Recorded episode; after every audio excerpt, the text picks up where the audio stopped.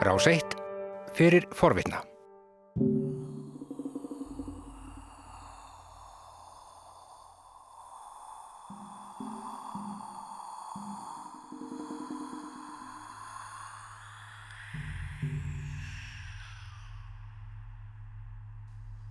Völusbá telst til goðakvæða ettunar og er frægust allra íslenskra fortkvæða.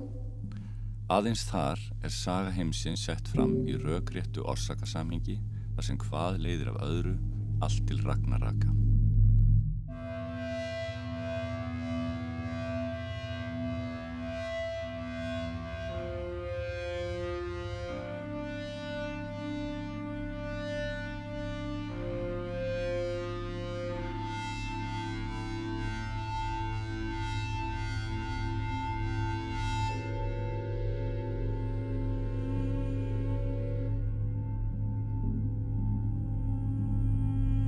Kvæði er varðveitt í tveimur gerðum í konungsbók ettukvæða frá setni hluta 13. aldar og í þeim hluta högsbókar sem er frá miðbyggi 14. aldar.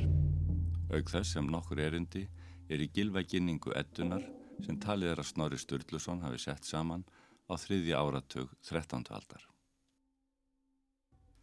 Völusbá er mælt fram af völvu sem segir frá sköpun heimsins og friði allsnekta hjá góðum uns þrjár þursamæjar komu og þau sköpuðu dverga og síðan menn. Gullveig kemur bæði til goða á manna, íllindi hefjast og leiða til víga sem magnast uns öll lögmál eru brotin.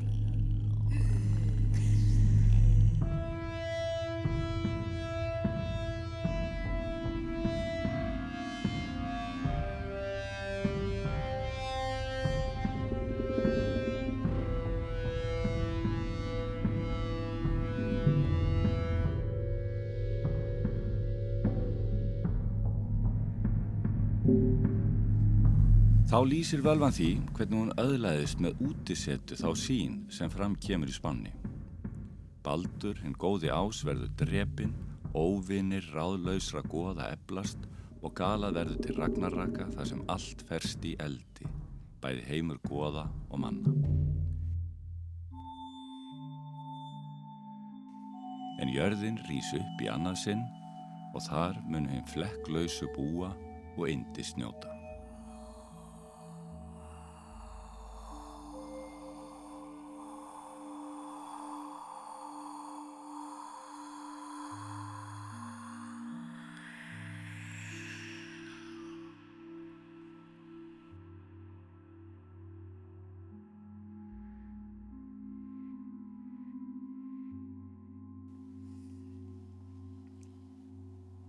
Sú kona var þar í byggð er Þorbjörg hétt.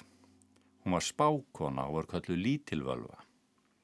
Hún hafði átt sér nýju systur og voru allar spákonur og var hún ein eftir á lífi. Segir í kaplanum um spátum völvunar á Herjólfsnesi á Grænlandi í sögu Guðríðar við förlu Þorbjarnardóttur sem nefnd er Eiríksa Rauða í útgáfum Íslandingasagna. Sagan lýsir mikil úðlegum búningi völfunar.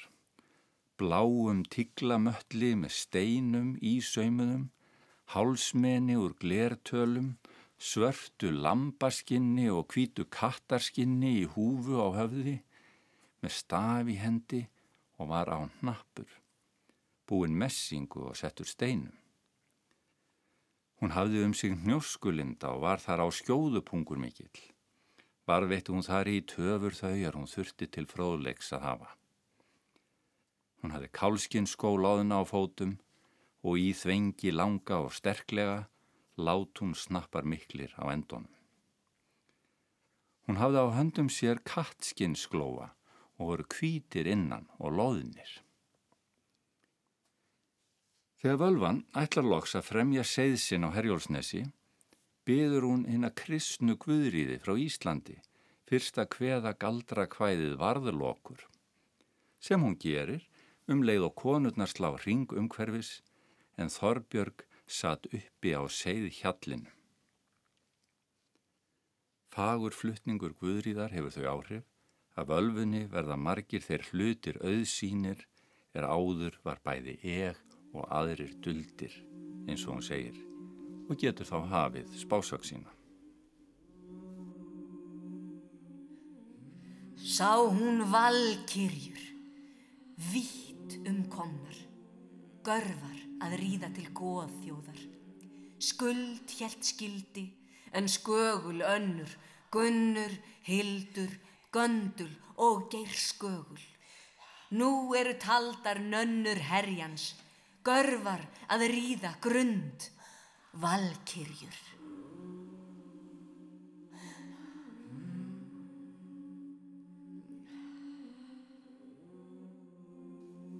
Ekki þarf að efa að á rítunartíma völusbár og Íslandingasagna hafi áheyrendur þessara verka séð hinnar fornu völfur og spár þeirra fyrir sér í einhvers konar umhverfi sem minnir á heið hálf heðina samfélag sem sögurna tekna upp á Grænlandi.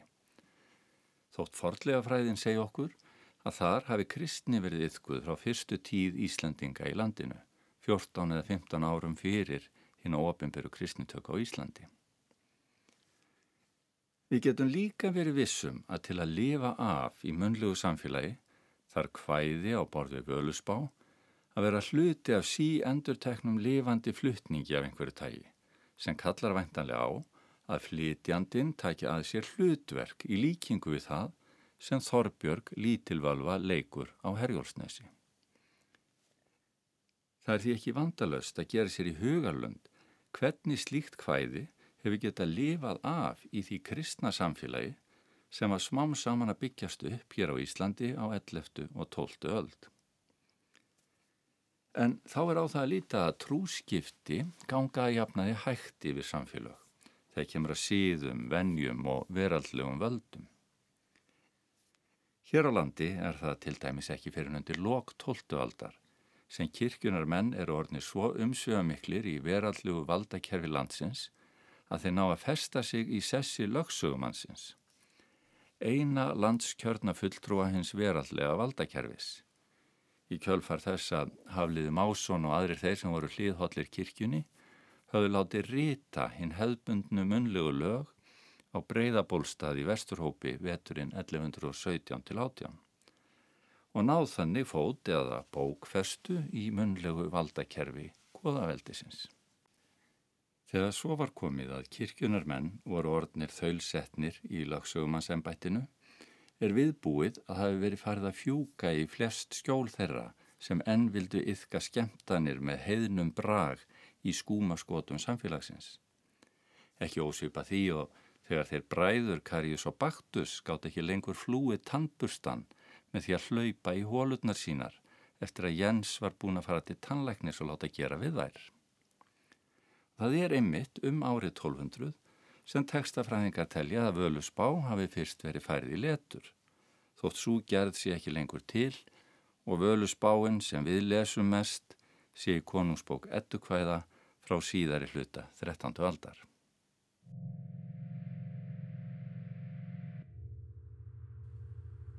Sál sá hún standa sólu fjarrri, náströndu á, norður horfa dyr fjallu eiturdrópar innum ljóra. Sáur undin salur, ormarryggjum.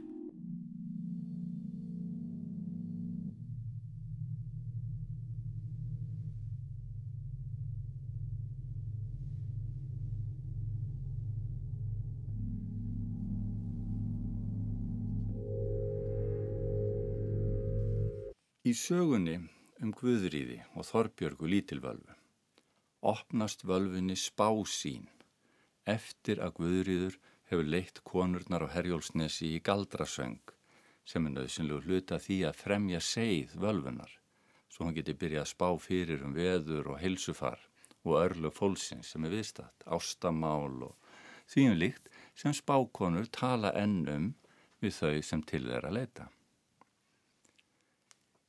Í okkar völusbá eru stærri örlug undir en svo að hveðandi nokkur að fróðra söng hvenna dugi til að sjá inn í þá framtíð sem þar er spáð fyrir um. Þegar völvan í völusbá hefur lokið lýsingu sinn á því sem hún mann sjálf frá eldstu tíð og því hvernig menn og góð hafi smá saman klúðrað tilveru sinni með gullþorsta, hennum fyrstu vígum og eðrófum sem Þór einn reynir að sporna gegn, kemur þar í frásögnanar að hann að þrítur þekkingu. En þá rifjast upp fyrir henni að hún þekkir lendarmál óðins um að hann hafi lagt auga sitt að veði fyrir visku og hefði ókvæmlega stef kvæðisins hljómar í fyrsta sinn. Það mann hún fólkvík fyrst í heimi er gullveigu geirum stuttu og í höll hárs hana brendu þrísvar brendu þrísvar borna oft ósjaldan. Þó hún enn lifir.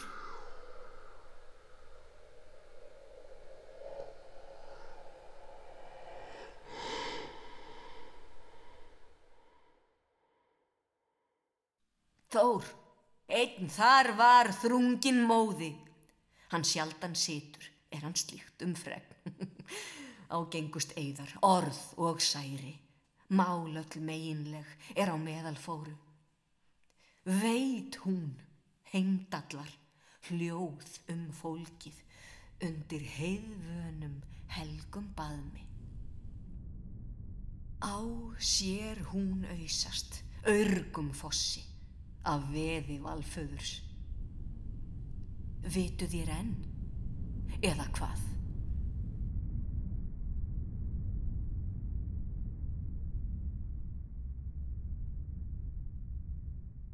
Míða við það sem á eftir kemur hefur völvan nýtt sér þessa þekkingu á leindarmáli óðins til að ná tangarhaldi á honum og fá hann til að opna sér þá sín sem hún miðlar til áheyranda í hvaðinu. Hún staldrar við í flutningnum eftir að hafa dreyið upp dökka mynd af ástandinu í samtíð bæði guð á manna og vittnar til fyrri útisettu sinnar, áður en sjálf lýsingin á spásíninni hefst. Einn satt hún úti, þá er einn aldni kom, yggjungur ása og í augu leit. Hvers fregnið mig, hví freystið mín? Allt veit ég, óðinn, var þú augafallt í einu mæra mýmisbrunni. Drekkur mjöð mýmir morgin hverjan að veði valföðurs. Vitu þér enn? Eða hvað?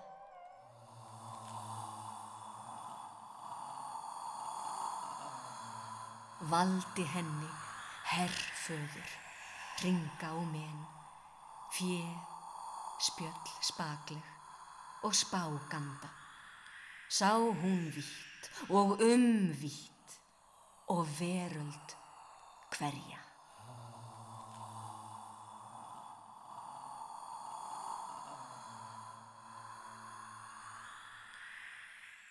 Til að skilja hvað hér er á segði er mikilvægt að gera sig grein fyrir hvers konar aðtöfn útisetan er í fornum tekstum.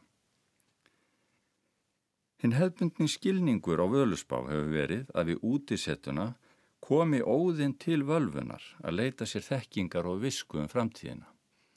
Knýji hana til sagna og beri á hana fjö.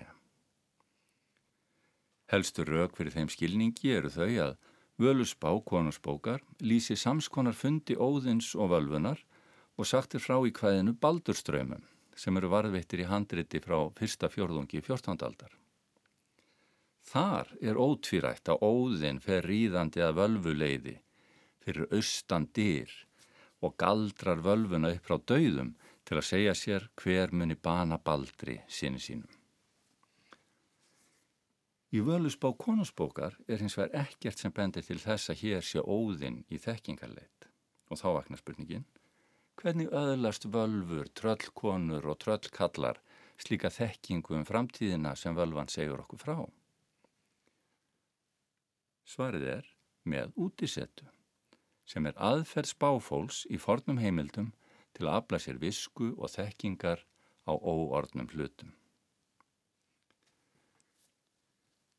Orðið útisetta kemur nokkrum sinn fyrir, bæði fornum norskum og íslenskum lagatekstum og sögum, en ekki síður í þjóðtrú og sögnum frá síðarjaldum.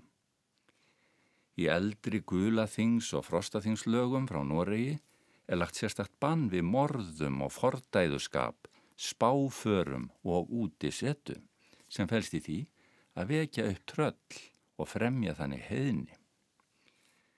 Með slíkri háttsemi verða menn óbótamenn og fyrirgera fjö og friði, landi og lausum eiri. Í nýjum kristinrétti í Guðlaþingslögum er það einni tali með trúvill og heinum átrúnaði á borði galdra, tröllriðu, spátóma og landvættatrú að stunda útisettur til að spyrja örlaga. Eða reyna að verða ríkir eða vísir með því að freysta þess að vekja upp drauga eða haugbúa.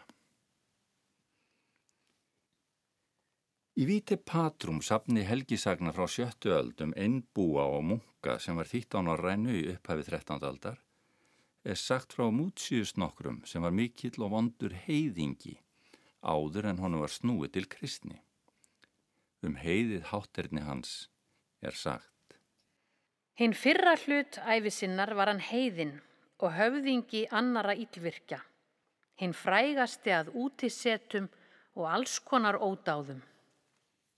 Í skriftabóðum skálholtsbiskupana Þorláks Helga og Jóns Haldorssonar sem prentuð eru í forbreyfasafninu er það talið til sérstakra synda ef situr maður úti til fróðlegs eða fremur maður galdra eða magnar maður segið eða heðinni. Hinn er veraldlegu lögbækur, Jartsíða og Jónsbók frá lokum 13. aldar leggja sömulegis blátt bann við morðum og fordæðuskap þegar mann yfka spáfarar og útisettur að vekja tröll og fremja heiðni með því. Í orkningasögu og heimskringlu eru dæmi um útisettur sem fylla upp í þá mynd sem lög og reglubóð veita. Í orkningasögu er líst sveinin okkur um brjóstreip, stafnbúa Páls Jarlsins ómálka og þeim sem þar ritar hefur ekki þótt ómögulegt að um miðja tóltu öld væru yfkaðar útisettur. Sveitn var mikill maður og sterkur, svartur og heldur óhamingjusamlegur. Hann var forn mjög og hafði jafnan útisettið. Hann var stampbúi jarls. Þegar líður til jóla er sagt um svein. Og um kveldið er menn hafðu drukkið, gekk jarlað sofa og flestir menn. En sveitn brjóstreip gekk út og satt úti um nóttina eftir venju sinni. Þessa nótt hefur sveit brjóstreip öðlast sín inn í framtíðina með hjálp djöfulsins því að um spátum hans sjálfs er sagt daginn eftir þegar sveit segir fyrir um eigin dauða. Eyvindur hermdi þá orðin og sæði að það myndi fjandin hafa mælt fyrir munnhónum um nóttina.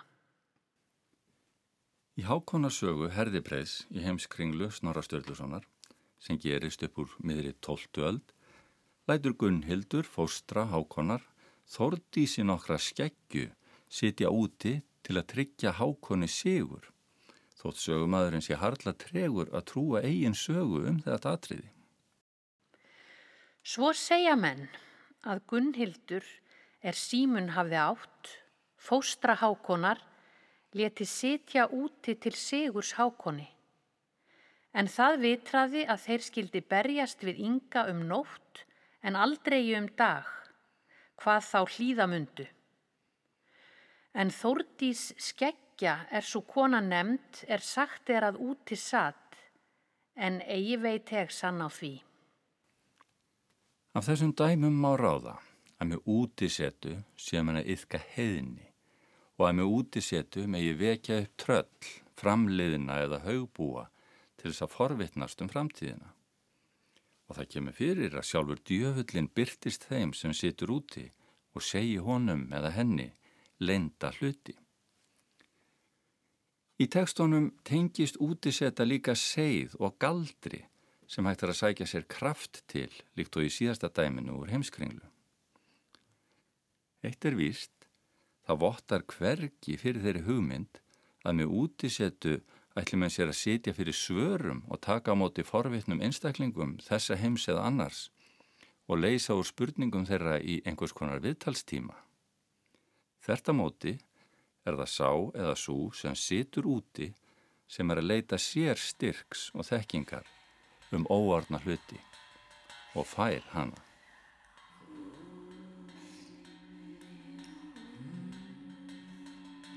Ég sá baldri, blóðgum tífur, óðins barni, örlög fólkin, stóð umvaksin völlum hærri, mjór og mjög fagur, mistiltinn. Varð af þeim meiri er mær síndist, harmflög, hætleg, höður nám skjóta. Baldurs bróðir var of borins nemma, sá nam óðins sonur, einnættur vega.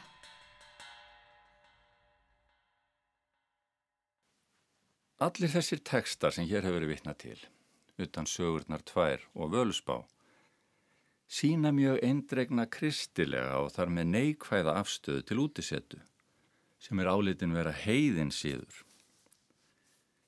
Þessi harða afstæða er nokkuð tekin að línast í þjóðtrú síðari alda, eins og lesa má um í sapni Jóns Árnasonar sem vitnar til þess að andúð miðaldakristninar sé í samræmi við ákvæði átjánda kabla 5. mósebókar í 10. og 11. versi um að ekki megi leita sér spáfrétta. En litla leifar séu nú eftir að þessu aðtæfi og sé það ímist kallað að sitja eða liggja úti á krossgötum. Þegar menn sitja á krossgötum þá koma álvar úr öllum áttum og þyrpast að manni og byggja hann að koma með sér. En maður má engu gegna. Þá bera þeir aðmanni alls konar gersimar, gull og sylfur, klæði, mat og drikk, en maður má ekkert þykja. En þegar dagur rennur, þá á maður að standa upp og segja, Guði sér lof, nú er dagur um allt loft. Þá hverfa allir álvar, en allur þessi álva auður verður eftir og hann á þá maðurinn. Mörg kannast við söguna af Jóni Krukk sem satt úti á nýjarsnótt í vonum að eignast það fyrir sem alva og huldufólk myndi bera á hann um nóttina. En Jón sprakka lokum og var sér til ævarandi skammar að geta ekki hamið græki sína. Þetta hafi gengið alla nóttina fram undir dag.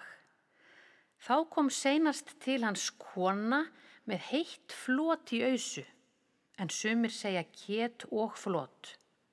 En Jóni þótti heitt flót allra mata best.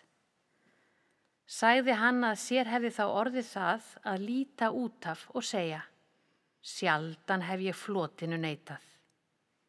Misti hann við það allra gersemanna og kræsingana sem honum voru áðurbóðunar og hjá honum lágu. En þó hafði hann þá gáfu síðan að hann gatt sagt fyrir óordna hluti með því að hann lægi áður úti heilar nætur. Í völusbá ber ekkert á neikvæðum kristnum viðhorfum til útisettu. Og það sem enginn vafi leikur á því hvað átt er við þegar talað er um útisettu að fornu, nýja á því að það er útisetta sem völvan vísar til þegar hún segir einn satun úti, er varðla um annað ræða en draga þá álíktun að með þeirri útisettu hafi völvan verið að leita sér þekkingar eins og galdraloftur löngu síðar, stúdent frá Hólum 1722 sem varð Jóhanni Sigur Jónssoni að yrkisefni í samnemdu leikriti. Í þjóðsögum Jóns Átnarssonar segir frá því þegar loftur særir fram hvern biskupin á fætur öðrum til að komast yfir rauðskinnu gott skálks biskup Skrimma sem hafi látið grafa bókina með sér. Heyrðust þá dunur miklar og kom upp maður með staf í vinstri hendi og rauðri bók undir henni hægri. Ekki hafði hann krossmark á brjósti. Leit hann óhýru auga til biskupanna en horfi glottandi til lofts er særði þá sem fastast. Gott skálk færðist hóti nær og sagði háðslega Vel sungið, sonur, og betur en ég hugði, en eigi nær þú rauð skinnu minni. Önnur fræg þekkingar leita þessum toga er í verki Gutessum Fást, stjörnusbeking, gullgerðar og galdramann í þýsku endurreysninni kringum aldamótin 1500. Í verki Gutess og fjölmörgum sögnum öðrum hefur Fást komist að endi mörgum jarneskrar þekkingar og særir þá fram anda til að auka við visku sína og endar svo viðleitni með samningi Fásts við Mefistofeles eða djöfulinn sjálfan um að öðlast visku gegn því að selja skrattanum sálu sína. Ekki kvarlar að nokkru manni að láta þá gott skálk biskup Grimma og Mefistofeles byrtast þeim galdralofti og fást til að svala þekkingar þosta sjálfra sín. Í þessum sögum eru þeir, líkt og óðinn í völusbá, handhafar hinnar andlegu og ókristilegu handanheims spektar sem hinn jarneski leitandi sækist eftir. Við útisetu er það með öðrum orðum allsíða að einhver byrtist þeim sem situr úti, eins og völvan vitna sjálf til þegar hún segir að henn aldni hafi komið, ykjungur ása og í augu leit og spurt hana hvers hún vildi fregna sig með orðunum, hvers fregnið mig, hví fristið mín. Og það er þá sem völvan spilar útspili sínu, eins og fjölmiðlamaður að klekja á viðmælanda sem hefur eitthvað að fela í beitni útsendingu um að hún viti allt um lendarmál óðins, hvar hann hafi lagt annað auga sitt að veði og falið í hennum mæra mýmisbrunni. Allt veit ég, óðinn, far þú augafallt í hennum mæra mýmisbrunni.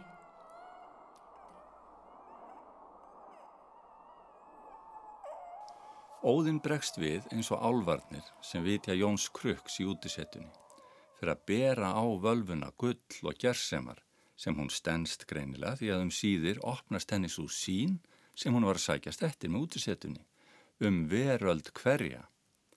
En svo vítt er hvergi hægt að sjá nema úr hásæti óðinn sjálfs í þeim stað í loftinu er hliðskjálf heitir. Þar sá hann of alla heima og hversmanns aðtæfi og vissi alla hluti þá er hann sá, eins og Snorri segir í gilvækningu. Kanski óðinn hafi bóði völfunni að tilla sér á þau hliðstæðu og skjálfandi ljós sem geysast um loftið á björnum vetrarkvöldum og við kallum norðurljós. Valdi henni, herrföður, ringa á menn, fjö, spjöll spakleg og spáganda. Sá hún vitt og umvitt og veröld hverja.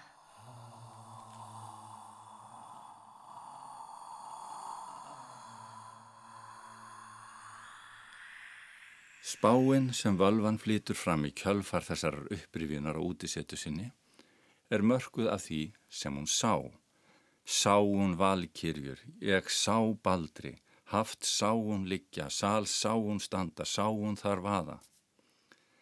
Hún lýsir reynslu sinni þannig sem sín þegar hún satt úti og óðinn kom til hennar. Sýnir eða leiðslubókmentir er vel þekkt bókmentaform frá mjög fornum tíma og er engum nota til að miðla spátumum. Í kristinni menningu er ofinberun Jóhannessar í Nýja testamentinu eflust best þekta dæmið, en þar segir Jóhannes frá því í þýðingu Odds Gottskálssonar þegar hann sá að dyr upp lukust á himni og hinn fyrsta röttin, hverja ég hafði heyrt við mig tala sem annars lúðurs, hún sagði. Far þú upp hingað og mun ekki sína þér hvað hér eftir skal skeið. Það sem hér eftir skal ske nær síðan allt til hins efsta dags með talsvert meiri orðaflaumi, halelújægi og englasöng en í völusbá sem byggist enga síður á sömu grunnhugmynd þar sem góðvölfunar, óðinn, hefur opnað henni sín þegar hún satt úti en hún segir síðan frá þeirri sín og miðlar henni til okkar í þekktu formi leiðslubókmenta. Völvan sá fyrst að valkyrjur muni streyma til goðana, áður en baldur hinn góði ásverðu drepin og bráðungur váli, bróðir hans, grípu til hemda með því að drepa höð blinda sem Loki hafi vela til að kasta mistilteininum á Baldri. Á meðan Frigg, móðir þeirra Baldurs, stöndur grátandi hjá. Þó hann æfa hendur, nýja höfuð kemdi, áður á bál um bar, Baldurs andskota. En Frigg um grét í fensölum, vá, valhallar. Veitu þér enn? Eða hvað? Þegar hennu góða hefur verið rutt úr vegi í veraldinni með lævísi loka sem likur nú bundin þá stuttu stund sem óvinnir góðana er að eblast að styrk, verður völfunni litið til jötun heima, þar sem allt lítur ófriðlega út í gullsölum samherjana af ætt Sindrat Vergs, Brímis Jötuns og Fenrisúls sem eru nú að fylgja liði til Ragnaraka þegar engu verður eirt. Á fellur austan um eiturdala, söksum og sverðum. Slíður heitir svo stóð fyrir norðan á niðavöllum, salur úr gulli, sindra ættar. En annar stóð á ókólni, bjórsalur jötuns, en sá brimir heitir. Austur satin aldna í járnviði og fætti þar fenris kindir. Verður af þeim öllum, einna nokkur, tungls tjúari í trölls hami.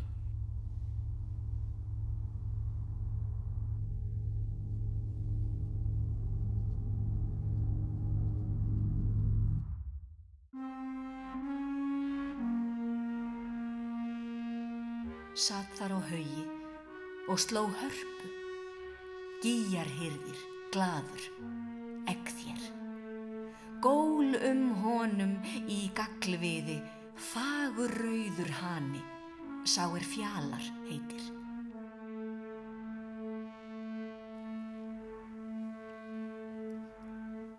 Þarna sá og heyrði völvan fyrsta hanan af þremur gala áður en ragnarrökin bresta á með því að fjöturinn gleipnir sem hefði verið lagður á Fenrisúlf slittnar svo úlfurinn losnar.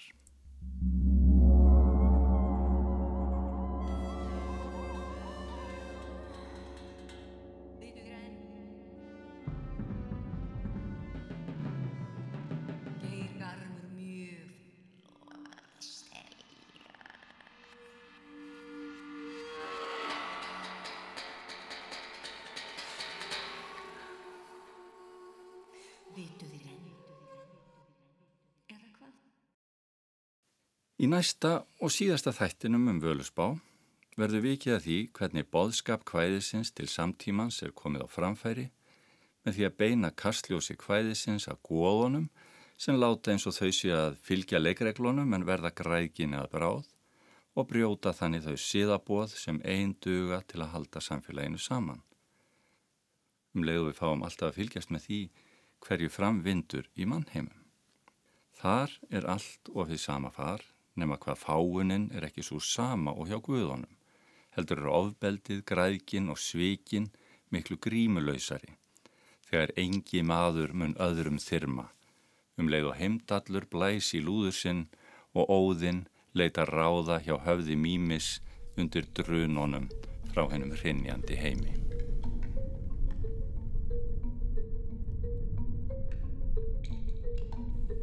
Leika mýms sinir en mjötuður kindist að einu galla gjallar horni.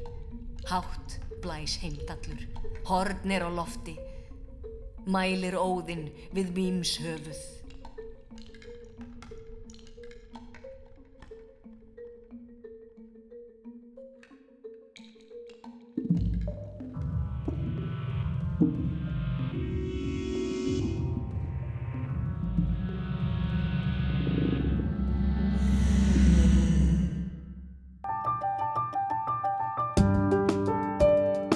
Varst að hlusta á hlaðvarpsþátt frá Rás 1. Ef þið langar til að heyra meira, farðu þá á rúf.is skástrygg hlaðvarp eða spilaran á rúf.is skástrygg útvarp. Rás 1 fyrir forvitna.